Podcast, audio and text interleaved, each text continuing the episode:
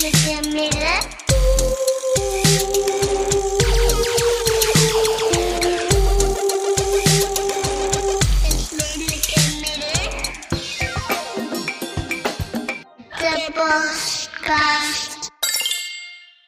Welkom bij weer een nieuwe aflevering van Het Redelijke Midden, waarin we het gaan hebben over ethiek in gamingjournalistiek. Of misschien een andere, betere uitleg van wat eh, eigenlijk onder eh, ja, Gamergate en alt-right en dergelijke wordt verstaan.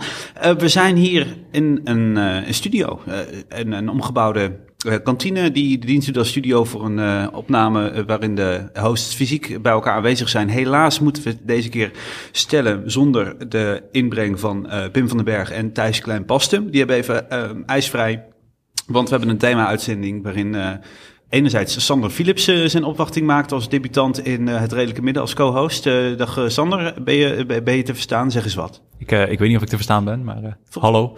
Nou, bij mij wel. En eh, anders eh, nou ja, moeten we in de montage heel creatief zijn. Nee, maar volgens mij gaat dat goed. En Romy van Dijk. Romy, Eh, ja, hallo. ja, welkom.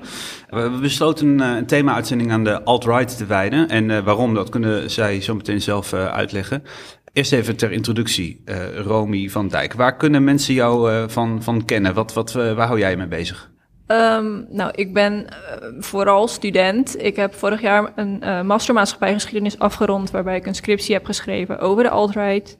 En ik doe nu een tweede master, Engaging Public Issues. En ik ben daarnaast bestuurslid voor Erasmus School of Color. En ik doe journalistiek, schrijf ik soms voor Expresso. En er staat iets van mij op vers beton. En eh, een beetje betrokken bij deze podcast. En daar kunnen mensen mij van kennen. Eh, Erasmus School of Color, daar zag ik inderdaad iets op Twitter en, eh, en zo voorbij komen. Wat is dat precies voor initiatief? Ehm, het is een ehm, studentenorganisatie die vooral bezig is met echte diversiteit. Dus ehm, diversiteit is vaak een PR, PR-stunt voor witte instituten om zichzelf opnieuw te centreren als progressief, zonder dat er daadwerkelijk beleid eh, uit voortkomt die diversiteit echt bevordert. En eh, daar zijn wij heel kritisch op. Dus binnen Erasmus, eh, Erasmus Universiteit kijken we ook heel kritisch naar de organisatorische structuren die diversiteit beperken. Dus ehm, je kunt wel quota ehm, eh, instellen, maar als de werksfeer, als, als je als vrouw in een eh, vooral mannelijke omgeving terechtkomt, dan, dan heb je daar alsnog een hele. Dan bestaat de kans dat je een hele nare werksfeer eh, ervaart. En wij zijn daar dus kritisch op. Dat, wij willen echt, een, echt het instituut hervormen. En wat, wat ben je van plan om te gaan, gaan doen? Wat voor initiatieven ga je ontplooien? Is- Eh, momenteel zijn we vooral een safe space voor vrouwen en mensen van kleur. eh, met een fysieke locatie op de universiteit waar mensen hun ervaringen kunnen delen. En ehm, we organiseren leesgroepen en ehm, filmavonden en etentjes en zo. Maar daarnaast zijn we ook nog eh, heel erg bezig met eh, een beetje ons, onze positie vinden in de universiteit. En kijken in hoeverre we echt verandering kunnen teweegbrengen. Ehm, ja. Oké, en, en wat, is jouw, wat is jouw link met de, met de alt-right? Daar gaat jouw, ging jouw scriptie ook over? Of de, Eh, ja, ik heb dus ehm, voor mijn master maatschappijgeschiedenis heb ik een scriptie geschreven over eh, de alt-right. eh, specifieker, ik heb een discoursanalyse gedaan van het weblog van Richard Spencer, alternativeright.com. En eh, binnen die discoursanalyse heb ik me vooral gericht op thema's als seksualiteit, masculiniteit en vrouwelijkheid en hoe daarover gedacht werd. En mijn voornaamste interesse voor de alt-right komt eigenlijk uit een soort frustratie en eh, ik ben heel vaak online. Ik ben een heel online persoon. En ehm, dan, ik, ik heb het fenomeen zeg maar zien groeien. En daar kwam een enorme frustratie eh, bij kijken. Waardoor ik ja, ehm, ja, geïnteresseerd ben geraakt in het onderwerp. Je noemde Richard Spencer. Is dat nou ook die gast die eh, bekend werd van het filmpje waarin hij voor zijn muil werd geslagen? En dat dat viraal ging? Of heb ik, haal Ja. ik nu de alt-right... nee, eh, dat, dat, is, dat is? Richard Spencer. is mijn favoriet filmpje. Ja. Ja. Illustreert gelijk ook de, de diepte van mijn kennis over alt-right als fenomeen. Die ene van dat filmpje, juist. Ja. Maar goed, eh, oké, nou, daar gaan, kom eens op terug. Sander Philipsen, ehm, waar, wa- waar ben je van te kennen? Ehm, van Twitter vooral. Niet dat je Eh, per se ergens van te kennen moet zijn of zo, maar dat de mensen kennen jou misschien wel daarvan en van Twitter en van je stukken. Dus dat is, eh, ja, helpt om het linkje te leggen. Van Twitter zeg je en nog? Eh, van Twitter. eh, en ik heb, schrijf met enige regelmaat wel eens iets voor One World. Laatst een stuk over bondgenootschap, wat eh, vrij breed gedeeld werd, volgens mij. Ehm, maar vooral eh, volgens mij als die vervelende man op Twitter, die heel erg irritant is. Krijg je dat vaak door je hoofd geslingerd, dat je irritant bent? Ehm, af en toe, eh, vooral van journalisten. Ah, ja. Ehm, ja, dat, eh, ja, dat krijg je ervan als je. eh, en als je dan ook nog een stuk gaat schrijven over, over hoe anderen. Krijg, je dat ook nog als reactie? Dat je, dat je dan ook nog een stuk schrijft over hoe, hoe anderen zich als bondgenoot zouden moeten gedragen en positioneren? Dat, dat, dat, ik bedoel, dat kan. Ik kan me voorstellen dat dat belerend kan overkomen. Het was, een, het was niet zo'n heel eh, belerend stuk volgens mij. Het is heel, ik, vond, het heel leerzaam. Maar ik kan me voorstellen dat als je inderdaad dat belangrijk vindt... op het, zeg maar, het metathema van... Goh, hoe, hoe ben je een bondgenoot van... eh, en meng je in de strijd tegen, eh, seksisme en antiracisme... dat, dat, nou ja, dat je niet altijd in dank wordt afgenomen. Ehm, ik vond het eigenlijk wel meevallen ehm, in dit geval. Ik heb een paar vragen over gehad. Ik heb ook geprobeerd om een stuk heel erg op mezelf te betrekken en te vertellen vanuit hoe ik iets probeer te doen. Juist omdat dat iets te verminderen. Ja, Ehm, het helpt natuurlijk ook dat ik een cis-hetero-witte man ben die eh, altijd een stuk minder over zich heen krijgt dan eh, zwarte vrouwen of vrouwen van Ja. kleur die over hetzelfde thema schrijven. Of misschien, eh, dat zul je ook ongetwijfeld herkennen, als je al wel iets over je heen krijgt, of het soort van hit, dat je imago of reputatie een bepaalde hit krijgt, dat een soort van eh zichzelf regenerating ding is. Net als van de, de, de, je gezondheidslevel van een bepaald spelletje. Als je maar gewoon eventjes gewoon je koest houdt, dan ben je daarna gewoon, is je reputatie weer gezuiverd, omdat je toch een bepaald, als privilege geniet als witte man, toch? Dat zou kunnen, maar ik probeer je- me meestal niet heel erg eh, koest te houden. Oh, nee, precies. Dan, eh, ja, dan, ja. Maar ik blok gewoon iedereen, dus dan heb ik er geen last van.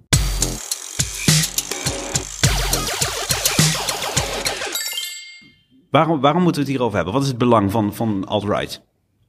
Ehm, nou ja, ik denk, Sorry. volgens mij is er niet. eh, er wordt vrij weinig aandacht in de Nederlandse media besteed aan de alt-right. En de, als het gebeurt, dan toch ehm, vaak door mensen die niet helemaal weten waar ze het precies over hebben, omdat ze niet heel bekend zijn met de ideologie, of, of je het een ideologie kan noemen. Ehm, maar die zijn er gewoon niet helemaal thuis in de materie. Dus, en ik denk dat het heel belangrijk is om die ideeën wel eh, te kennen, omdat het enerzijds een eh, strategisch belang heeft. Want als je weet wat de ideeën inhouden en welke eh, frames worden gebruikt, dan kun je die ook beter doorzien en dan kun je ook beter een alternatief bieden of je kunt er tegen protesteren. En ehm, daarnaast is het ook gewoon een kwestie van ehm, bekend zijn met je vijand, bekend zijn waar je tegen strijdt. En eh, ik denk daarom dat het heel erg belangrijk is om daar aandacht aan te besteden. En vooral ook omdat het. ehm, je ziet dat bepaalde termen worden overgenomen in de media, waarvan de mensen die ze gebruiken misschien niet weten wat de herkomst ervan is. En ehm, Welke zijn dat? Geef eens een, eh, een top drie. Ehm, nou, er zijn natuurlijk verschillende memes die, eh, die je soms ineens langs ziet komen, die, waarvan ik dan weet dat die een bepaalde eh, alt-right achtergrond hebben. En je, eh, concepten als cultuurmarxisme, dat wat nu ook gewoon serieus besproken wordt ehm, door verschillende media als zijnde een echt probleem. We- Laten we daar eens op inzoomen. Ik heb er zelf. Ik, ik zat zelf nog te twijfelen. Van cultuurmarxisme wordt ook wel eens een soort van euf- eufemisme of synoniem voor, ehm, eh, voor een, een Joods complot. Het is een, deels een anti- antisemitische term, maar niet, al, niet exclusief. Het wordt ook wel eens gewoon gebruikt om een, eh, om een meer een algemene. ehm, algemener fenomeen te duiden van, van een soort voor eh, linkse socialistische eh, samenzwering, die dan ook, ook gewoon de, alle, de volledige mainstream politiek in zijn, eh, in, zijn greep, in zijn greep zou houden. Dus het is ook multiculturalisme en ehm, eh, eh, gewoon het, het promoten van progressieve waarden zoals inclusiviteit en, en emancipatie. Ehm, Klopt dat een beetje? In hoe, eh, bijvoorbeeld hoeveel hoe- antisemitisme zit dat erin? Is het er altijd gewoon een soort van component die er altijd gewoon bij in wordt gegooid? Van, vanuit het perspectief van de extreemrechts gezien, van altijd goed om er een soort extreemrechts uh, antisemitisch sausje overheen te gooien. Hoe, eh, wa- eh, waaruit is het, is, waar, waar is het uit opgebouwd? Ehm, ik denk dat je het wel vrij eh, goed samenvat in de zin van ehm, het cultuurmarxisme is een, een narratief waarin eigenlijk alle ontwikkelingen waar de alt-right tegen is, in worden samengevoegd tot een soort coherent geheel. Eh, dat wil zeggen dat ehm, het idee is eigenlijk dat ehm, de westerse samenlevingen worden ehm, geregeerd door een notie van het cultuurmarxisme. En dat cultuurmarxisme dat is er uiteindelijk op uit om eh, de, wit, de witte uh, rassenidentiteit onderuit te halen. Um, daar zit een antisemitisch, uh, antisemitische achtergrond bij, namelijk... Um, ik denk dat Steve Bannon um, heeft aangehaald dat, dat cultuurmarxisme is begonnen in jaren 20, uh, 30 Duitsland van de vorige eeuw. En dat het cultuurmarxisme daar werd uh, een theorie was in de academische wetenschap. Um, en dat uh, de Joden, die, dat dat vooral Joden waren en dat die, zijn, die zijn allemaal gevlucht onder uh, Nazi-Duitsland en die zijn allemaal naar Amerika gegaan waar ze die instituten en die theorie verder hebben uitgewerkt. Um, Is het ook zo dat de, het, het hele idee van een, van een samenzwering, waar, als je een, een coherente uh, theorie wil ontvouwen over wat er allemaal mis is met de wereld vanuit, uh, vanuit dat perspectief, um, inclusief uh, en multiculturalisme en, en inclusiviteit mm -hmm. en, en gelijke rechten en, en, en dat soort zaken.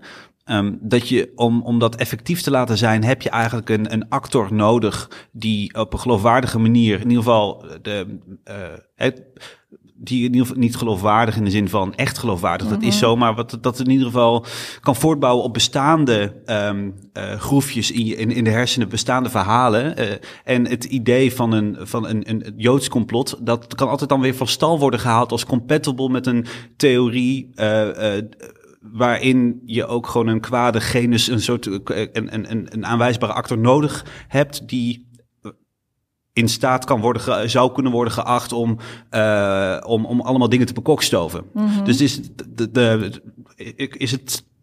Zit, zit, zit daar wat in? Dat het gewoon dat het daarom ook iedere keer antisemitisme weer een plek kan krijgen in, uh, in rechtse kringen, omdat het een, uh, een, een, een narratief biedt dat dat extra als, als cement kan, kan zijn, zeg maar? Um, ik denk, um, moet zeggen, ik ben nu uh, ben ik me heel erg aan het verdiepen in het cultuurmarxisme, dus ik weet de details niet helemaal.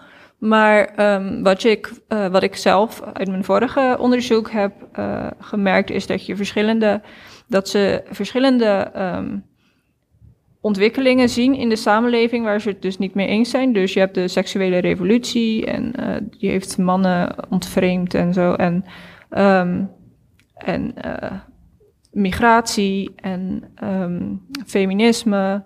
En, uh, en dan is de vraag, hoe kunnen we nu al die dingen die waar wij tegen zijn, hoe kunnen we die in één verhaal proppen? En dat wordt dan het cultuurmarxisme. En um, het uh, antisemitische is um, dat er dus een bepaalde um, kwaadaardige elite is die bewust die instituten, westerse en de westerse identiteit ondermijnt en die uh, actief bezig is met het propageren van migratie en feminisme en dat Ja. soort dingen. Ja. Maar een beetje als een hondenfluitje, met ook het, voor, het, het, zeg maar het, het narratieve voordeel dat iedereen die uh, ontvankelijk is voor antisemitisme dat gelijk eruit haalt. En, uh, en, Mhm. en voor zover het, het niet landt bij mensen, dan ja, je hebt het ook niet expliciet gezegd, dus dan kom je er wat eenvoudiger mee weg. Ja, maar het, het trekt ook mensen naar antisemitisme toe. Dus veel van die actoren zijn ook Joods, die genoemd worden. Dus uh, daarom is George Soros ook zo'n uh, prominente naam daarin. Want die man is Joods en die heeft veel geld en die heeft daadwerkelijk een organisatie die wel eens wat goede doelen doet en wat dingen probeert uh, te veranderen. Meestal naar een meer open samenleving. Want volgens mij heet zijn organisatie ook de Open Society Foundation. Mm -hmm. Maar ja, het feit dat hij Joods is, is een reden voor de alt-right om hem eh, naar voren te brengen als een prominente actor daarin. En dat wordt dan ook opgepikt binnen meer mainstream mensen die ehm, minder expliciet antisem- antisemitisch denken, ehm, maar wel hetzelfde complottheorie overnemen. En daarmee, is, daarmee zie je als je, eh, als je kijkt naar eh, Twitter of naar 4chan, zie je ook mensen gaan van eh, denken dat cultuurmarxisme echt is. En daarbij denken van, ja, nou ja, er zijn mensen bezig met migranten naar Europa brengen om witte mensen te onderdrukken.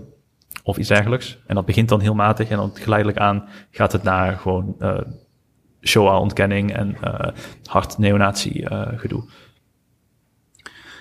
Is het dan ook als, eh, kun je er een definitie van geven? Is het dus een paraplu-term waar heel veel verschillende stromingen onder vallen, waar een, eh, waar een directe relatie is met echt het, ehm, ja, het meest expliciete, virulente eh, antisemitisme aan de ene kant en de rechtsideeën die ook gewoon in de mainstream eh, media worden, worden verkondigd aan de andere kant, maar wel met een directe relatie daartoe. Dat er eigenlijk dus ook een infrastructuur is waarin het makkelijker wordt gemaakt om, om, om verder naar, naar rechts op te schuiven. Ja, en dat, dat zie je ook in Nederlandse kranten en in Nederlandse media. Dus je hebt een aantal stukken gehad die dan cultuurmarxisme als concept gaan verdedigen. Op de basis dat bijvoorbeeld eh, Mao een marxist was en die wou ook iets aan de Chinese cultuur veranderen. Dus dat is cultuurmarxisme. En dat wordt dan gebruikt om de term te verdedigen, waarmee dan ook het antisemitisme, complotgerelateerde omvolkingsgebeuren in Europa eh, meteen wordt witgewassen. Ja, puur, Ja, het is een soort gateway. ehm, Ja. Dus als je het, e- als je het ene eh, deel van het cultuurmarxisme gelooft, dan is het ook makkelijker om die volgende stap te nemen, die wel, anti, die wel expliciet antisemitisch is. Ah. Oké, dat was één voorbeeld. Eh, nog één of twee andere termen. Wat zijn dan typische termen of narratieven die we kennen van, ehm, eh, die, die geassocieerd worden met alt-right? Eh, omvolking, zoals we net al hebben genoemd. Oh ja. Dus het idee dat de witte Europeaan of Amerikaan langzaam wordt vervangen door niet-witte mensen. Ehm, en vooral moslims. En dan komen dan ook, dan gaat het al heel snel over dingen als eh, bevolkingsgroei en eh, geboorteaantallen. En dan komt ook het, het seksistische, misogyne idee dat vrouwen vooral eh, kinderen moeten hebben. Witte vrouwen zouden meer kinderen moeten hebben. Islamitische vrouwen zouden minder kinderen moeten hebben. Tot aan de vertegenwoordiging van, van witte mensen of mensen van kleur in promofilmpjes van, van, van, van Rotterdamse makelij, waar Arjan van Velen in de correspondenten ook een geruchtmakend stuk over schreef. hij, was, hij was heel gekwetst. Ja. Eh, Ja, nou goed. Die, eh die, die greppelfix slaan we even, even over. Ehm, Oké. Wat is... oké, is, is een soort van kleine geschiedschrijving te geven? Kunnen jullie die zo uit je mouw schudden? Van, oké, als we hebben van een, eh, een, een, de historische wortels van, van eh, de alt-right. Eh, daar kun je eh, heel lang en heel kort over praten. Eh, het dat is een, podcast, onder- dus een ja, beetje in het midden. Beetje. Ja, oké. Ehm, er is veel discussie over. Ehm, de term werd, werd geïnitieerd door Richard Spencer, die destijds in, ik denk 2008, in een eh, Amerikaanse studentenvereniging eh, onderdeel was. Die ehm, met boze eh, Amerikanen die vonden dat het dat conservatisme van die tijd niet radicaal genoeg was. Of het, het zinde ze in ieder geval niet. En zij verlangden naar een alternatief rechtsgeluid. Dus daar komt dan Alternative Right uit. Ehm, daar is een weblog eh, uitgekomen. Wat ehm, op zich geen heel spectaculair eh, weblog was. Het was gewoon een soort margeblog, zoals je zoveel extreemrechtse eh, blogs op internet hebt. Maar ehm, op een of andere manier is dat gedachtegoed, of in ieder geval het concept alt-right, is later ehm, doorgebroken als ehm, zijnde een beweging die nu alle extreemrechtse eh, bewegingen op internet ehm, ehm, ja, als een soort paraplu-term voor alle extreemrechtse bewegingen op internet. En ik denk dat de eerste echte eh, uitbarsting van een, of een, het eerste moment waarbij er echt van een alt-right beweging wordt gesproken, dat dat ongeveer tijdens Gamergate was. En daar weet Sander meer van dan ik.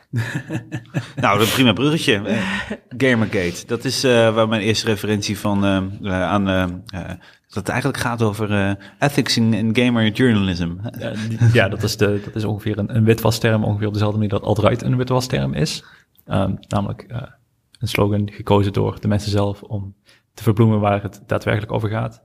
Ehm, Maar dan wel zo op een manier, daarom noemde ik hem ook van, die, die wel zo evident eh, eh, de- eh, niet de lading dekkend is, dat, dat eh, ook, nou ja, niet serieus is te nemen dat het daar dan daadwerkelijk over gaat. Want het gaat echt over de manier waarop gamers, gamingjournalisten te werk gaan. Ja. Maar eh, Gamergate, Ja, Gamergate is eigenlijk een harassment campaign die begonnen is met het targeten van Zoe Quinn, een heel kleine en relatief onbeduidende eh, game developer die gratis online gamepjes maakte. En eh, haar ex was eh, aan het leuren met een pamflet over alle vreselijke dingen die zij hem had aangedaan. Waar hij overigens vooral abusive uit leek te zijn uit zijn eigen geschreven pamflet. Maar mannen zijn niet altijd de meest zelfbewuste wezens op aarde. Ehm, en hij begon daarmee te leuren op 4chan. En op de een of andere manier eh, sloeg dat op een gegeven moment aan. En begonnen zij haar eh, lastig te vallen. Heel erg lastig te vallen. Eh, media te benaderen. Ehm, zij heeft moeten verhuizen. Dus, ehm, mensen zijn aan, bij haar aan de deur geweest. Dus was heel vreselijk. Eigenlijk is haar leven een beetje kapot gemaakt. Ehm, en een van de kernpunten die hij gebruikte om mensen daarin mee te krijgen, is het feit dat zij eh, een paar keer vriendelijk gepraat heeft met één journalist ergens. En die journalist heeft daarna haar game genoemd. Ergens. Dit is ongeveer het meest onschuldige ding in gamejournalistiek die je kan bedenken. ze heeft de naam van, genoemd van de game die zij maakte. Ja, ergens in een artikel in een hele lange lijst, geloof ik. Mhm. Ehm, en dan is, dan, toen werd zij de representatie van de corruptie van gamejournalistiek. De corruptie. De corruptie In- van gamejournalistiek. En dat werd toen verweven met, eh, met andere harassment campaigns tegen eh, bijvoorbeeld Anita Sarkeesian, die eh, sprak over feminisme en dat eh, ook over videogames had. En dat kunnen heel veel, vooral witte mannen die videogames spelen, niet zo heel goed hebben. Zeker toen niet. En op die manier is het ook verweven geraakt met meer racistische, seksistische en eh alt-right zaken.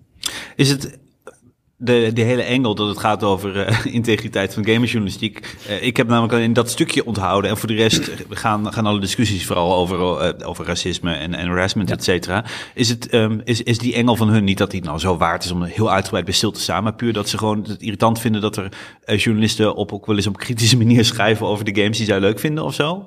De- wat, wat is... Wat is Ja, nou ja, ga- games waren sinds, ik denk, midden jaren 90 eigenlijk echt een witte mannen ding. Dus dat is ook bewust zo getarget door games in ieder in, bedrijven. in ieder geval in de marketing en... en, eh, in en termen van marketing en ook de communities daarna zijn opgegroeid. Eh, dus als je toen in begin jaren 2000 of midden jaren 2000 op een gameforum zat, dan was dat echt 90% witte mannen.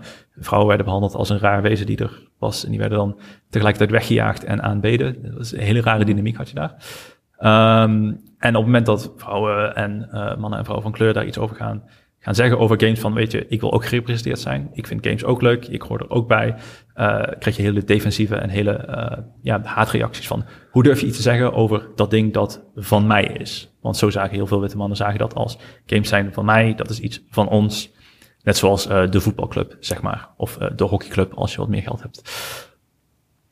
Komt het ook misschien omdat het, ehm, eh, de, de, degene die daar het meest actief in waren, die witte mannen die zich daar zo eh, veel over uitspraken, dat, dat, dat, dat die hele gamingwereld eh, heel belangrijk voor hen is geweest en dat ze daarin de vrijheid hebben gekregen of hebben genomen om een wereld te creëren die, volgens de culturele regels die zij wilden en, en, en dat ze zeg maar daar veel ehm, ja, in extremere mate eh, een wereld hebben gecreëerd en ook een ideeënwereld met een betaal en een cultuur die, die nog veel, ehm, nou ja, eh, eh, masculiner en, en seksistischer is en, eh, en onderdrukkender is dan al te doen gebruikelijk op bijvoorbeeld een wi- willekeurige sportclub of middelbare school.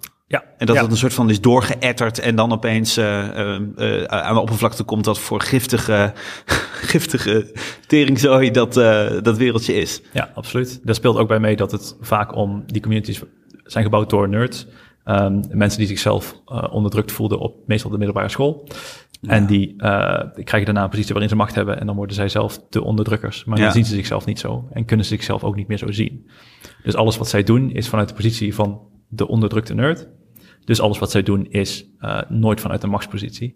En daarom oké. Nee, volguit als een nobele machtspositie als Kyle the Warrior, die dan de, de, de damsel in distress eh, gaat, eh, wil, wil redden. En, eh, eh, Ja, exact. ja, Ja, en dat, dat, is- dat is ook precies het narratief waar al die games over gaan. Namelijk zijn bijna altijd waren het mannen die eh, vrouwen moesten redden. Of en heel, daarbij heel veel monsters verslaan en heel krachtig zijn. juist. Ehm, nou, en Gamergate was eigenlijk de, de, de, eruptie, de, de explosie van, van die wereld en wat er problematisch aan was. En dat kwam in het, in het publieke debat toen opeens eh, eh, aan de orde. Ja. Ehm, en alt-right heeft dat toen aangegrepen om heel veel mensen naar rechts en naar extreem rechts te, te trekken. Dus wat zij, eh, wat zij hebben gedaan, Milo Yiannopoulos van Breitbart was daar heel erg eh, belangrijk in. Breitbart was toen al zeg maar, de wit-nationalistische ehm, eh, mediaorganisatie eh, online. En Milo heeft toen eh, Gamergate aangegrepen als eh, een manier om zijn eigen brand uit te breiden. En daarmee ook heel veel Gamergaters naar rechts, extreem rechts te trekken. Door te benadrukken ehm, ja, door een narratief te scheppen van vrouwen en mensen van kleur komen je games afnemen. Ehm, jouw games gaan heel erg veranderen. Ehm terwijl, natuurlijk, het verandert helemaal gereed. Al die games waren nog exact hetzelfde. En dat ook meteen eh, te verbinden aan de bredere ja, culture war, zeg maar. Dus ook aan eh, Black Lives Matter, ehm, aan uh, Me Too was toen volgens mij nog net niet bezig maar daarna. Maar je zag al wel Um, veel feministische narratieven, uh, vrouwen die praten over hun ervaringen met seksueel geweld. En dat wordt dan allemaal weggezet als uh, gezeik dat jouw plek als witte man uh, komt bedreigen.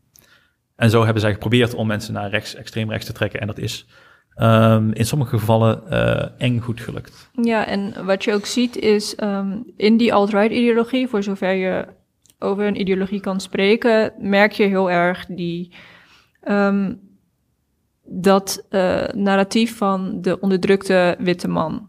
En uh, dat, dat speelt heel mooi in op dat sentiment van wat Gamergate gecreëerd heeft. Mannen die zouden door uh, de seksuele revolutie en door het feminisme en door um, vervreemding van hun arbeid, zouden ze geen doel meer hebben in het leven. En um, en door de seksuele revolutie is een soort ongelijke um, hiërarchie ontstaan van uh, mannen die heel veel seks kunnen krijgen en een veel groter deel wat nooit seks heeft. En dan, krijg, dan krijg je te maken met incels. Ja, in ieder geval niet met anderen inderdaad. Ja, nee, ja. ja precies. Wel, waarschijnlijk hebben ze heel veel seks, maar ja, nee. Nou, voor een deel zit daar ook nog de groep bij die uh, ook geen seks met zichzelf heeft en daar heel trots op is. En oh, dat, dat als een masculiniteitsding ja, absoluut. ziet. Oh, ja, dat komt, en dat zijn dingen die ook gewoon in de mainstream media naar voren komen. Hè? Dat uh, uh, zelfs ook bij, bij nou ja, de, de FVD en dat soort kringen en, en de denkers Ja. eromheen. Ja. Dat het, uh, dat masturbatie, um, ja.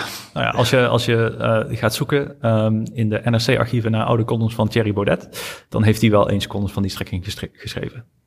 Dat uh, masturbatie uh, je vervreemdt uh, van je partner en dat soort zaken. Ja, en ook met, met, met uh, quasi-wetenschappelijke onderbouwing dat het ook uh, hormonaal uh, niet het juiste, de juiste uitwerking heeft of dat soort zaken.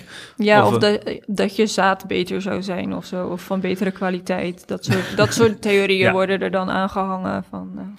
Oh, ze maken het zichzelf ook gewoon niet makkelijk. oh man. Ik bedoel, ik geloof namelijk degene die dat zich volhouden, de, de, de never wankers. Nee, er is een term voor. De, uh, never no fab. fa No, no fab. no. Ja, No fab, no fab. yes. De, ik geloof namelijk gereed van dat ze dat ook volhouden. Uh, zelfs degene die denken, die dat zeggen van wel. Dus die zit ook met een gewoon gespleten persoonlijkheid. Ja, en, en dat roept natuurlijk ook weer frustratie op. Want dan kan je het weer niet volhouden en dan voel je je weer incompetent. Ja, ja, ja, en dat, is, dat wordt ook weer gewoon geprojecteerd op de samenleving, die dan onder, uh, onze witte mannen zoveel het zo moeilijk maakt. En, um, maar is dat, is dat het, het, inderdaad het grotere verhaal eigenlijk? Dat dan, um, wat dat, nou ja, qua um, de kern van waarheid, als in van de, de reële verandering die ten grondslag mm -hmm. ligt aan zeg maar, die tegenreactie van de opkomst van alt-right is, is ook natuurlijk ge- is dan de, de, de emancipatie van, van gemarginaliseerde, gemarginaliseerde groepen. De, de toenemende, nou ja, het is de vraag of er sprake van is. Het, of het beter gaat met, met eh, eh, eh, de acceptatie van, van mensen met een andere eh, etnische achtergrond of, ehm, eh, of met een andere seksuele oriëntatie. Maar er is wel. Maar er worden wel, ik bedoel, er zijn tegen, tegengestelde in hun bewegingen. perceptie is dat wel zo. Dus, Ja. En dat is dan de grond van een theorie. Het, het gaat ook altijd om, om perceptie en nooit om realiteit. Wat heel makkelijk te zien is als je kijkt naar, eh, naar peilingen van... worden de mensen in Frankrijk of in Nederland gevraagd... hoe groot het percentage moslims is in hun land. En dat is altijd gewoon een factor 8 te hoog. Ja, of zo. precies, ja. Dus die, het, het gaat meer om zichtbaarheid dan om daadwerkelijke verandering. Ehm, ook in de positie van zwarte mensen in, in Amerika is niet zo heel veel veranderd. En die was toen dit opkwam zelfs achteruit gegaan eh, vanwege de economische crisis. Relatief ten opzichte van witte mensen. Ehm, maar dat maakt niet uit, want het was iets meer zichtbaar. En dat is dan waar tegen ach- gereageerd wordt. Maar dat is ook wat het lastig maakt, toch? Omdat het een soort van gevecht is in, in, in een virtueel schimmerrijk. eh, wat wel past bij het hele idee dat ze zich vooral eh eh, bezighouden met, met, met strijd in virtuele games en, en werelden. Ehm, dat dat de, de werkelijke maatschappelijke strijd waarin ze zich denken aan te moeten overgeven, eigenlijk ook eentje is die niet zoveel van doen heeft met, met, met werkelijke zaken. Maar vooral met geper- gepercipieerde tegenslagen die ze moeten verduren. Want, er, want ja, Nou ja, voor hun is het wel werkelijkheid. Hè? En eh, dat is ook de mobiliserende factor. Want als jij, je, als jij je onderdrukt voelt, dan wil je daar iets tegen doen. En dat maakt dan niet uit of het een, eh, of het een conspiracy is, of een samenzwering, een, of een gevoel wat geen basis heeft in de realiteit. Maar op het moment dat jij ehm, mobiliseert voor dat idee, dan wordt het een realiteit. Nee, ik, bedoel, ik wil natuurlijk niet zeggen dat dat niet daadwerkelijk eh, zich, zich voordoet. Eh, maar het, het, het, wat natuurlijk wel een belangrijke constatering is, is dat er helemaal geen sprake is van daadwerkelijke onderdrukking van witte mannen. Geen sprake is van omvolking. Dus als het gaat over de, de, de, relevantie van, ook van dit debat en wat eraan gedaan zou moeten worden, en, en, de alt-right, is, is, zou dan toch ook eh, zijn van. eh, kan- kan iemand hen niet gewoon duidelijk maken dat ze gewoon. eh, dat ze gewoon poep praten. Dat, het, dat is natuurlijk veel te makkelijk. Maar snap snap je, snap je die instinctieve reactie van... Ja, maar er, er zijn van, altijd... Dief op, er is helemaal niks aan. Je wordt helemaal niet, er is geen omvolking. En als witte man heb je meer privileges dan wie ook. Maar ja, dat is, is dan dat een punt. Dat het in feite maatschappelijk teleurgestelde witte mannen zijn. die eigenlijk misschien ontk- ontkennen of deep down wel weten. dat ze gewoon niet hebben kunnen profiteren van al die voordelen. die hen gegund wordt in deze maatschappij. Die witte mannen juist alle voordelen biedt. en, en heel veel extra voordelen ten opzichte van andere groepen. Dat, dat er dan, bedoel, dan ben je natuurlijk ook wel gewoon een kneus. als je dan nog twintig jaar lang alleen maar op je, op, je, op je slaapkamer boze berichtjes blijft typen, eh, typen op 4chan. Is dat, nou, is dat wat hier aan de hand is? Dat ze, dan, dat, ze dat dan Ehm. proberen om te draaien, omdat ze in dat narratief weliswaar de verliezer zijn, maar wel de winnaar hadden moeten zijn. En dat ze recht hebben en recht van spreken hebben om boos te zijn of zo. Daar, daar zit zeker wel een kern van waarheid in. Maar het is ook zo, er zijn altijd statistieken te vinden die jouw standpunt onderbouwen. Dus er zijn ehm, begin jaren negentig en eh, eigenlijk vanaf de, vanaf de eh, tweede feministische golf zijn er eh, tegen, tegenbewegingen ontstaan van mannen die het idee hadden dat ze nu ehm, dat vrouwen nu te veel rechten kregen en dat zij beperkt werden. En dan krijg je statistieken van als mannen plegen meer zelfmoord. En ehm, eh, positieve discriminaties. Dus eh, als meer vrouwen worden aangenomen, dan gaat dat ten koste van een man. En daar halen zij hun wetenschappelijke eh, legitimatie uit. En de alt-right ehm, profileert zich ook bewust als een soort intellectuele beweging gebaseerd op wetenschap. En dus het is geen kwestie van ehm, feiten of ehm, concurrerende feiten of, of iets van dat je een feit tegenover hun wereldbeeld kan zetten wat het ontkracht. Want er zijn altijd feiten die hun wereldbeeld wel bevestigen. En er is En ook dat wel zie, je- dat oh, ja. zie je ook bij. ehm, ehm, de- het gaat vaak om mensen die niet, niet heel slecht opgeleid zijn. Die zijn heel online. En er is altijd. Er is heel veel te vinden dat hun standpunt zou onderbouwen. En er is gewoon een heel ecosysteem dat eigenlijk alleen maar 24-7 bezig is om dat wereldbeeld te onderbouwen. Er zijn YouTubers met eh 10 miljoen subscribers die alleen maar video's uitpompen over hoe feminisme eh, het ergste ter wereld is. Eh, en mannen heel erg onderdrukt worden en hen en hun achterstellen. Dus het is als persoon in zo'n beweging heel makkelijk om gewoon narratieven en feiten te vinden die ehm, alles wat je tegenkomt weerlegt. En op het moment dat je iets tegenkomt dat jou niet bevalt, dan ga je gewoon googlen totdat je een tegenargument vindt. Ja, maar om het even goed te, be- te begrijpen, is het, is het gewoon op te vatten als een typisch voorbeeld van het principe dat als je geprivilegieerd bent, dat elke beweging in de richting van gelijkschakeling van, van de rechten, en dus in feite wat neerkomt op het ontnemen van het eh, privilege, dat dat eh, ervaren wordt als onderdrukking. Dat, is ook een, eh, dat kun je ook veel kernachtiger zeggen, maar eh, if you're, eh, het is een quote volgens mij. If you're accustomed to privilege, equality feels like oppression, is volgens mij wat het is. Is dat, wat, is dat niet wat, wat, wat zich hier afspeelt?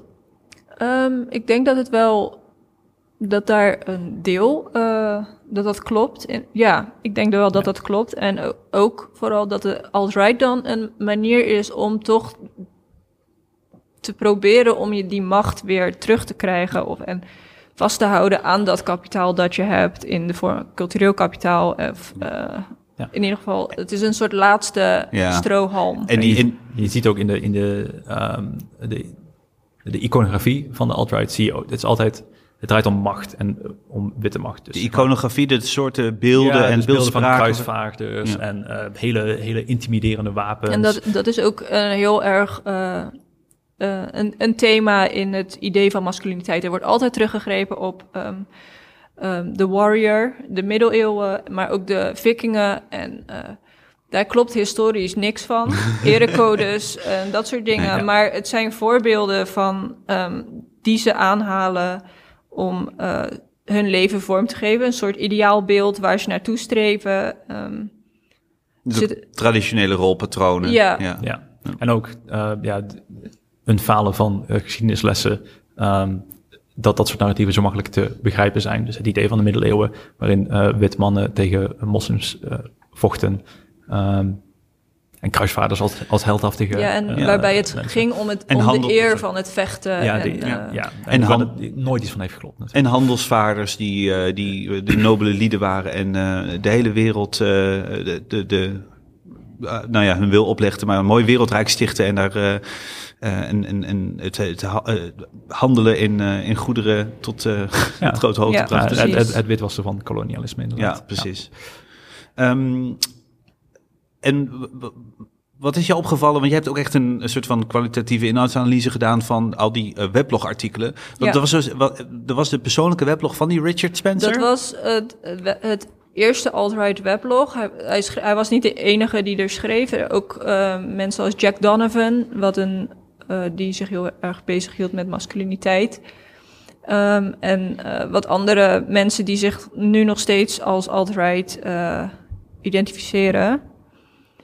Ehm, En wat, wat, wat viel je op in die, ehm, eh, in die geschriften? Je heb je ook een speciale focus aangelegd? Focus gelegd op, de, eh, op representaties van, van gender? Ja, ik heb me dus vooral eh bezig gehouden met eh, die ideeën over seksualiteit, over, ehm, over mannelijkheid en over vrouwelijkheid. Dus die drie thema's heb ik geanalyseerd. En ehm, ja, wat opviel was dat er ehm, dat het een heel reactionair en traditioneel beeld gaf.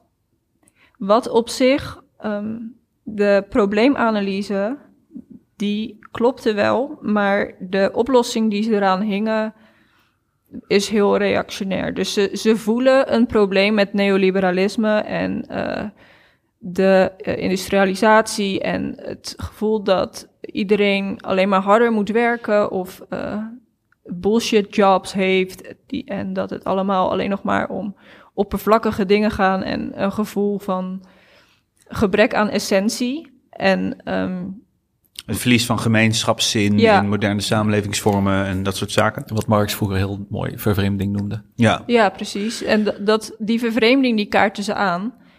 Maar ehm, waar links dus, ehm, eh, zeg maar, de klassenrevolutie en dingen aankondigt, wil ehm, de alt-right juist terug naar een ehm, imaginair verleden waarin eh, ja, een, een romantisch denken van, toen, van een tijd toen het nog goed was, zeg maar. En ja, dat is natuurlijk een klassiek eh, fascistisch verhaal.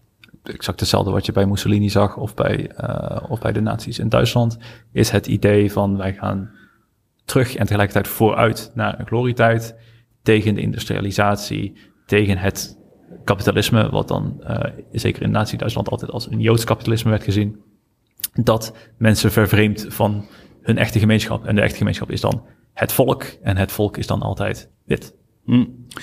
Of anders eh, geformuleerd, eh, zeker als het wordt gebruikt in een eh, verhaal van, van politieke groeperingen die de macht grijpen, is het dus, dus ook een, een plan om de macht te grijpen door te veinzen dat er een route mogelijk is naar een, een dergelijk, dergelijk verleden waarin, waarin nou ja, die waarden hoogtij vierden en zo. Eh, Ik bedoel, dat is ook, in hoeverre is het een... ehm, ehm, dat vraag ik me ook wel eens af. Hè? Eh, In hoeverre is, is, is, vooral ook omdat het niet mogelijk is om daar, daar naartoe terug te keren, hebben ze er zelf dat nou door dat ze aan het misleiden zijn en dat het helemaal niet kan? Of Ehm. is het, of geloven ze, dus, geloven ze er zelf eigenlijk wel in? Of is, is, zien ze zelf ook wel van, dit klopt helemaal niet, want het, er is helemaal geen samenzwering achter. Of dit is helemaal niet aan de hand, maar eh, het, het werkt goed voor de buren en dan gaan mensen op me stemmen. Eh, het, ik heb het idee dat er eh, misschien allebei eh sprake van is, maar heb, hebben jullie daar een antwoord op? Eh, ik weet natuurlijk niet wat die mensen echt geloven. Ik weet wel dat ik heb gelezen dat ze zijn heel bewust bezig met een bepaalde discourspolitiek. Er staat op een van de blogposts die ik heb geanalyseerd staat expliciet dat ze ehm, eigenlijk het dominante discours, dus alles, alles waar we nu over praten en hoe we daar nu over praten, dat dat eigenlijk volledig moet worden ondermijnd met fake news of met memes of andere manieren, zodat ehm, het Overton window naar rechts schuift en eh, de alt-right het enige ehm, redelijke alternatief is of wordt. Maar wat ehm, de samenleving die ze zich voorstellen, of ze. Ja, ik weet niet in hoeverre ze daar eh, zelf overtuigd van zijn. Ik weet wel dat ze sommige alt-righters willen een etnostaat, dus een gesegregeerde staat van, voor alleen witte mensen. En dan, ehm, maar ik weet niet in hoeverre zij eh, dit ha- haalbaar achten. Op, ja, en ik, dat kan je ook niet weten, denk ik. Nee. Je kan nooit in mensen hun hoofd kijken.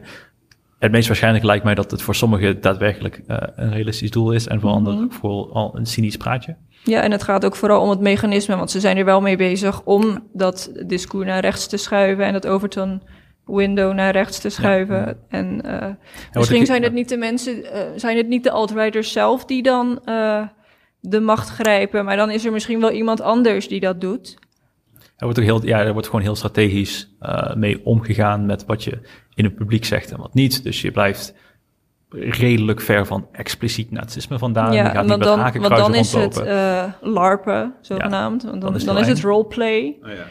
Ehm, dus de alt-right is, geen na, is niet nazi dan in dat... eh, of het zo... zo ehm, Zo presenteren ze zichzelf. ja, precies. Terwijl En- het en- natuurlijk omvat het ook gewoon... En zowel, dan is het ironisch. Ehm, het gebruik van, Ja. van, van ironie en, en, en humor, dat is een van de beproefde tactieken. Ja. Ehm, is, wordt dat ook gebruikt in die, in, in die, in die weblog zelf? Waren dat meer de serieuze bespiegelingen? En, eh, Eh, dat waren wel iets meer de serieuze. eh, het was, dat, dat weblog was echt een eerste. eh, we hebben het over eh 2010, 2013. Voordat de alt-right echt een beweging is zoals die nu eh, wordt gezien.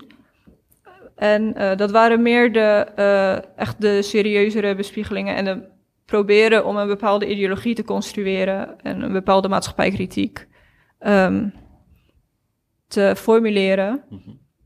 Maar eh, dat gebruik van ironie, dat zie je later wel op 4chan en ehm, Ja. andere media. En ja, en ook wel, ook wel daarvoor. Dus de, de, de 4chan cultuur en ook heel veel gamercultuur zat vol met het ironisch gebruik van eigenlijk heel erg racistische en seksistische Ja. dingen. En dat begint dan als grapje. En voor sommige mensen wordt het serieuzer. En dan denken ze, het, ironie is tegelijkertijd een manier om te kunnen ontkennen eh, dat je het zo bedoelt. Terwijl je het eigenlijk Ja. wel zo bedoelt. Het is ook een manier om dingen uit te proberen. Eh, want je kan altijd backtracken. Want, ja, En je, over- en je begint ook jezelf te overtuigen als je dat blijft gebruiken. En dat zag je, dat zie je op 4chan heel duidelijk. Dus van die, van die trollaanvallen die je bij Gamergate zag, die hebben ze ook eerder gedaan bij, eh, bij zwarte vrouwen ten tijde van Black Lives Matter vooral. Waarbij er dan nep zwarte vrouwen Twitter-accounts werden opgezet en die dan eh, belachelijke dingen gingen zeggen. En dat was voor sommige mensen was het een bloedserieuze aanval en voor andere mensen was dat haha ironisch, wat is dit grappig, ik kan Ja. mensen Ja. boos maken. Dus die ironie, die humor is een, is een methode om met zeg maar, plausible deniability eh, wel de meest expliciete eh, racistische en seksistische ehm, dingen te zeggen. En door puur dat te zeggen, bestendig je het, het, het frame en die, die betekenis kun je gewoon eh, vrij van ehm represailles, want hè, het was een Ja. grapje, het was Ja. wel een grapje, het was gewoon trollen kun je ze wel bestendigen. En eh, met het verneukeratieve gevolg dat het voor je hersenen, eh, die, eh, waar de ontvankelijkheid voor bepaalde narratieven wordt opgeslagen en, en tussen verschillende stukjes de um, neurologische verbinding wordt gelegd, zeg maar, niet veel uitmaakt of het nou een grapje was of niet. De, de link is gelegd. Ja, precies. En het is ook, ehm, er is ook een soort eh, wet, een theorie, die eh, Poe's Law heet. Van, van Poe, zoals een eh, Edgar Allan Poe, maar dan een Eh, andere. Volgens mij wel, ja. Maar, dan, de, en, maar die luidt dus dat op het moment dat jij een, een grap ziet, dan ehm, er is altijd een voor een grap om te werken moet er altijd een bepaalde manier, bepaalde mate van herkenning zijn. Ja. Dus op het moment dat jij een grap grappig vindt, dan ehm, erken je eigenlijk de onderliggende eh gedachte die erachter zit. Dus a- op het moment dat jij een racistische grap of een iets ehm, een, een stereotype beeld eh, heel grappig vindt, zoals bij een meme waar heel veel stereotypes in worden gebruikt, dan zit daar een mate van herkenning in. En het, eh, tegelijkertijd schuift het dan dus ook de mogelijkheden op wa- van waar we het over kunnen hebben. Dus een, een tactiek om het, eh, het Overton window verder naar rechts Ja. te verspreiden. Om het gewoon Ja. het, het speelveld op te rekken. Ja, Ja. En, en mensen te overtuigen, mensen er, erbij te betrekken, eh, zonder dat ze het initieel misschien zelf heel expliciet doorhebben. En dit is ook, je ziet dat het voor journalisten heel moeilijk is om dit te begrijpen en daar wat op te krijgen. Dus toen VPRO tegenlicht, ik denk twee jaar geleden, eh, een aflevering had over alt-right en over ehm, mensen die memes maken, ehm, ging dat ook eigenlijk grandioos mis. Dus zij lieten die mensen zelf hun verhaal vertellen en waarom doen ze dat. Maar er, er werd nooit een, er werd amper een link gelegd met eh, het onderliggende racistische en seksistische ideologie. Omdat je merkt dat veel journalisten dit gewoon niet begrijpen als ironie is tegelijkertijd serieus en niet serieus. Dat is gewoon iets, eh, iets te hoog gegrepen. Ja, weet ik, ik, ik- het, het is niet binnen hun, binnen hun ervaringswereld. Tenminste, niet de journalisten die ik er tot nu toe heb over zien schrijven in Nederland. Hm. Ik kan me voorstellen dat het moeilijk bruikbaar is in een normale journalistieke format. Van dan ga je al uit een meme-maker eh, interviewen van wat bedoelde je dan nou mee? Ah joh, het is gewoon trollen, maar gewoon een grapje. Oh, het is een grapje. Ja, natuurlijk. Ik ben toch geen, ik ben niet echt een nazi, maar het is gewoon, je moet alles kunnen zeggen. Ik vind het wel belangrijk dat je gewoon alles moet kunnen zeggen. En, eh, van, en ook een, ook een Auschwitz-grap, eh 6 miljoen mensen, bla bla bla. En, eh, en, en, en, en, en even later is het, wordt er gewoon misschien bloedserieus gewoon in twijfel getrokken. eh, wat, wat de, eh, eh, hoeveel, hoeveel Joden dus daadwerkelijk en andere mensen eh, zijn, zijn vernietigd. Dat het de ene keer is een grapje en de volgende keer wordt het gewoon weer serieus opgerekt. Ja, en het is heel moeilijk om daar voor journalisten doorheen te prikken. Het, hetgene dat het beste, wat ik het beste heb zien werken, eh, vooral buiten Nederland, is als er ehm, is als je iemand kan benaderen met eh, als, een good faith interview, terwijl je zelf hard bewijs hebt dat zij bijvoorbeeld gewoon nazistische uitspraak hebben gedaan.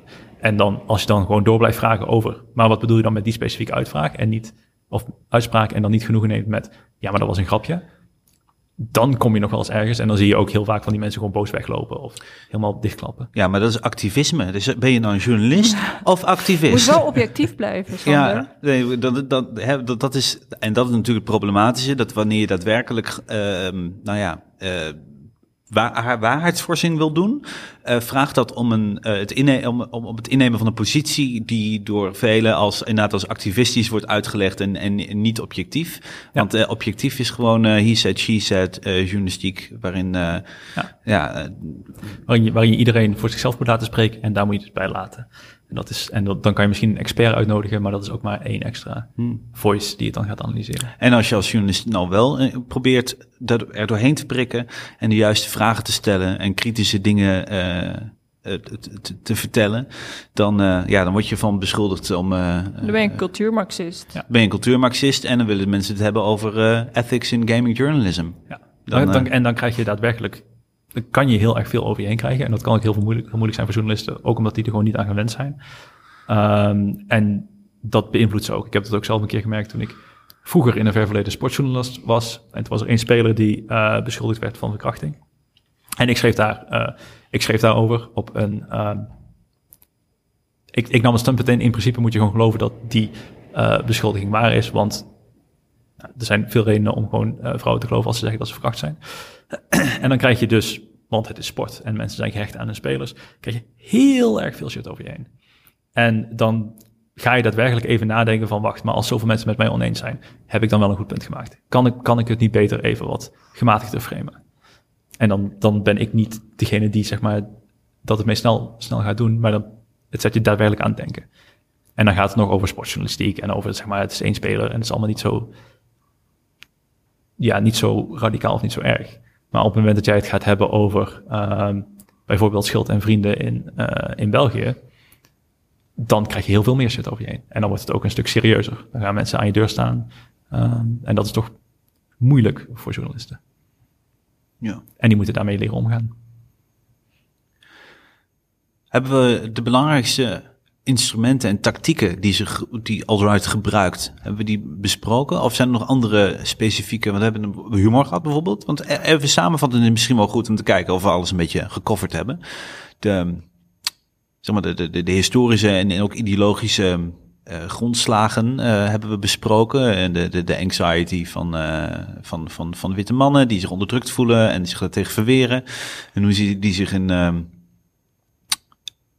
in allerlei eh, de verbanden, zoals eh, in, in, in games en ook, maar ook in sportgemeenschappen, eh, hebben opgehouden. Waarin dat, dat, dat, dat, ook dat, racisme en seksisme lekker gevetterd heeft, zeg maar. En om vervolgens weer tot de uitbarsting te komen.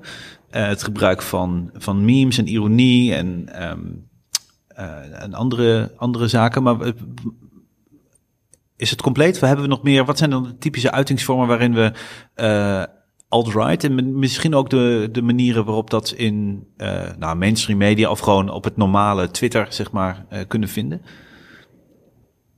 Ehm, nou, humor is belangrijk, maar ook de pseudowetenschappelijke onderbouwing die ze vaak hebben. Dus er zijn feiten, eh, bijvoorbeeld statistieken over IQ, eh, waarin dan st- staat dat ehm, Afrikanen eh, het laagste IQ hebben ter wereld en Aziaten het hoogste. En eh, daar wordt dan bijvoorbeeld een hele rassentheorie omheen gebouwd. Waarbij volledig wordt voorbij gegaan aan redenen waarom dat IQ dan in Afrika lager zou liggen.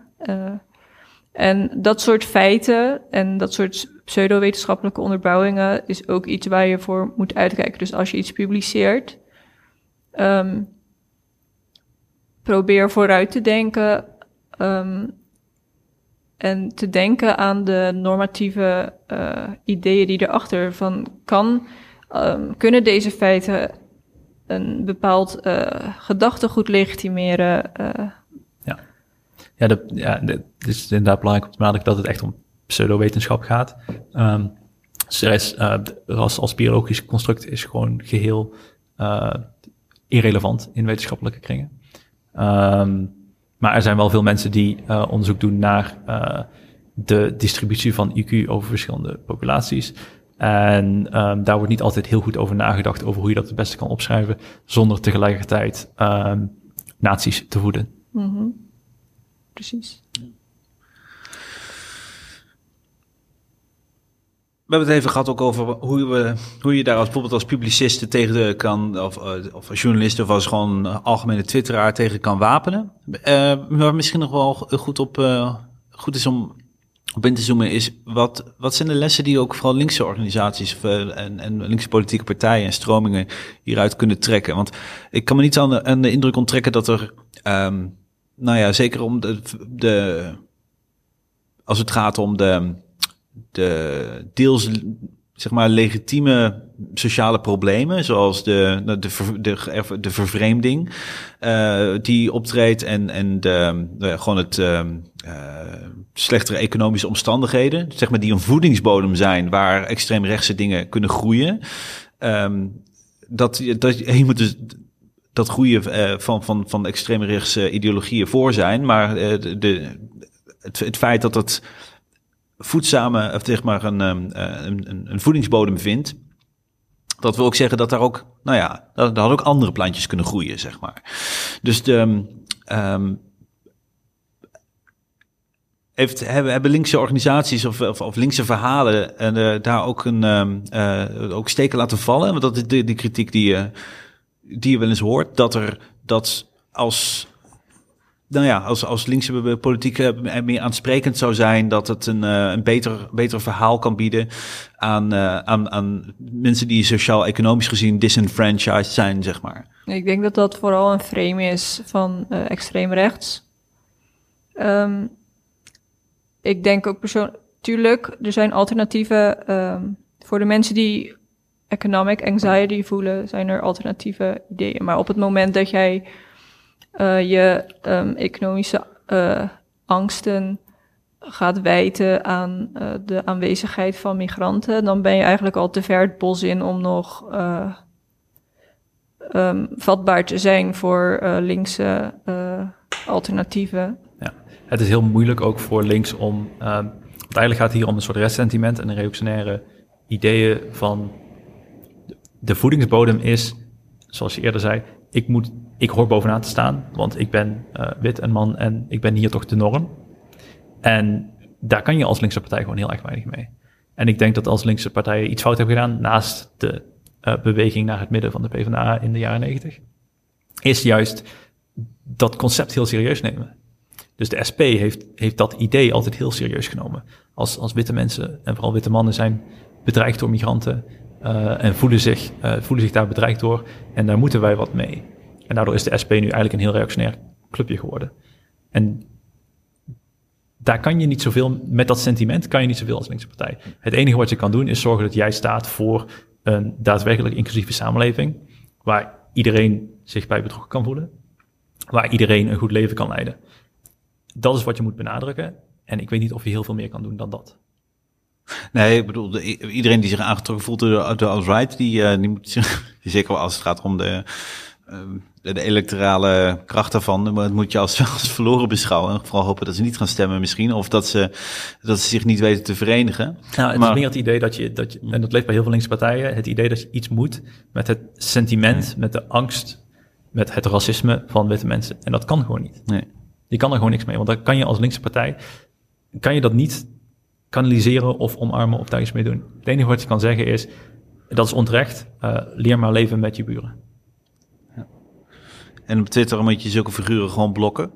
Ja, maar dat, dat, eh, eh, Ja, die, die, die blokfunctie op Twitter, dat je bloklijsten met elkaar kan delen, die, eh, die, hebben, daar ze de stekker uitgetrokken. Hè? Ja. Er werd dan ook weer, eh, ja, vanuit Twitters perspectief misbruik van gemaakt, doordat dat eh campagnematig werd gebruikt om eh, eh, gigantische lijsten mensen te blokken, vermoed ik. Maar, ehm, eh, of, of zijn er nog eh, apps die, die die functionaliteit wel bieden? Zit jij dan niet? Ik ehm, heb gisteren nog gekeken en volgens mij doet blocktogether.org het nog wel. Maar eh, er zijn ook wel minder functionaliteiten. En ik heb het ook nog niet geprobeerd, dus ik weet niet in hoeverre dat nog eh, werkt. Maar volgens mij is dat wel, ehm, is dat, dan is het vanaf een derde partij en dan kun je bloklijsten importeren en delen. ja. ja maar niet meer handmatig. Nee, dus het kan niet meer binnen de Twitter-app zelf. Volgens mij inderdaad Block Together. En die, wat Block Together dan doet achter de schermen is gewoon handmatig iedereen die op die lijst zit blokken. Ja. Ja, wel via een API zit je Ja. er niet op Ja. hoeft te klikken, maar eh, via een andere methode. Ja. Maar eh, wel eh, blok iedereen op Twitter. Eh, mute niet, want eh, dan zien ze nog jouw post en gaan ze mensen lastigvallen die jij retweet.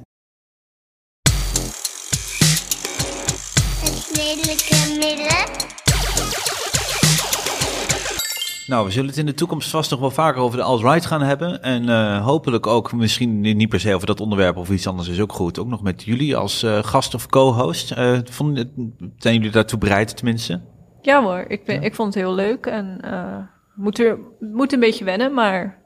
Leuk, zie het- het en leerzaam. Ja, precies. Tenminste voor, voor, voor mij dan en voor de Erg luisteraars. interessant. Erg gezellig. Nou, hartstikke mooi. Ehm, even kijken. eh, waar kunnen luisteraars jullie vinden op het internet? Als ze denken van nou, die Sander en Romy, daar wil ik wel wat meer van horen. En ik wil niet op de volgende podcastaflevering wachten. Ehm, ik zit op Twitter, at haatheks. Haatheks. Ja. Niet, eh, niet te verwarren met kutheks, die heb je ook. Nee, dat, dat is mijn zus. Oh, echt waar? Nee, Oh. niet, niet echt. Ik Maar dacht het even. Had gekund. Nee, ja, oké. ja, haatheks, op de- dat is het Ja. belangrijkste. Oké, en, eh, en, en, jij- en jij, Sander Philipsen? Het Sander Eh, Philipsen, denk ik? Ja, je kan Ja, mij toch? doen. Ed Sander Philipsen. Ik ben heel saai. Dan rest ons alleen nog eh, de, de ja, gebruikelijke plichtplegingen van het noemen van de diverse adressen, zoals eh het redelijke midden.nl, waar show notes zijn te vinden, en het redelijke midden op Twitter. En het e-mailadres eh het redelijke midden gmail.com, waar we eventueel ook nog berichtjes kunnen ontvangen.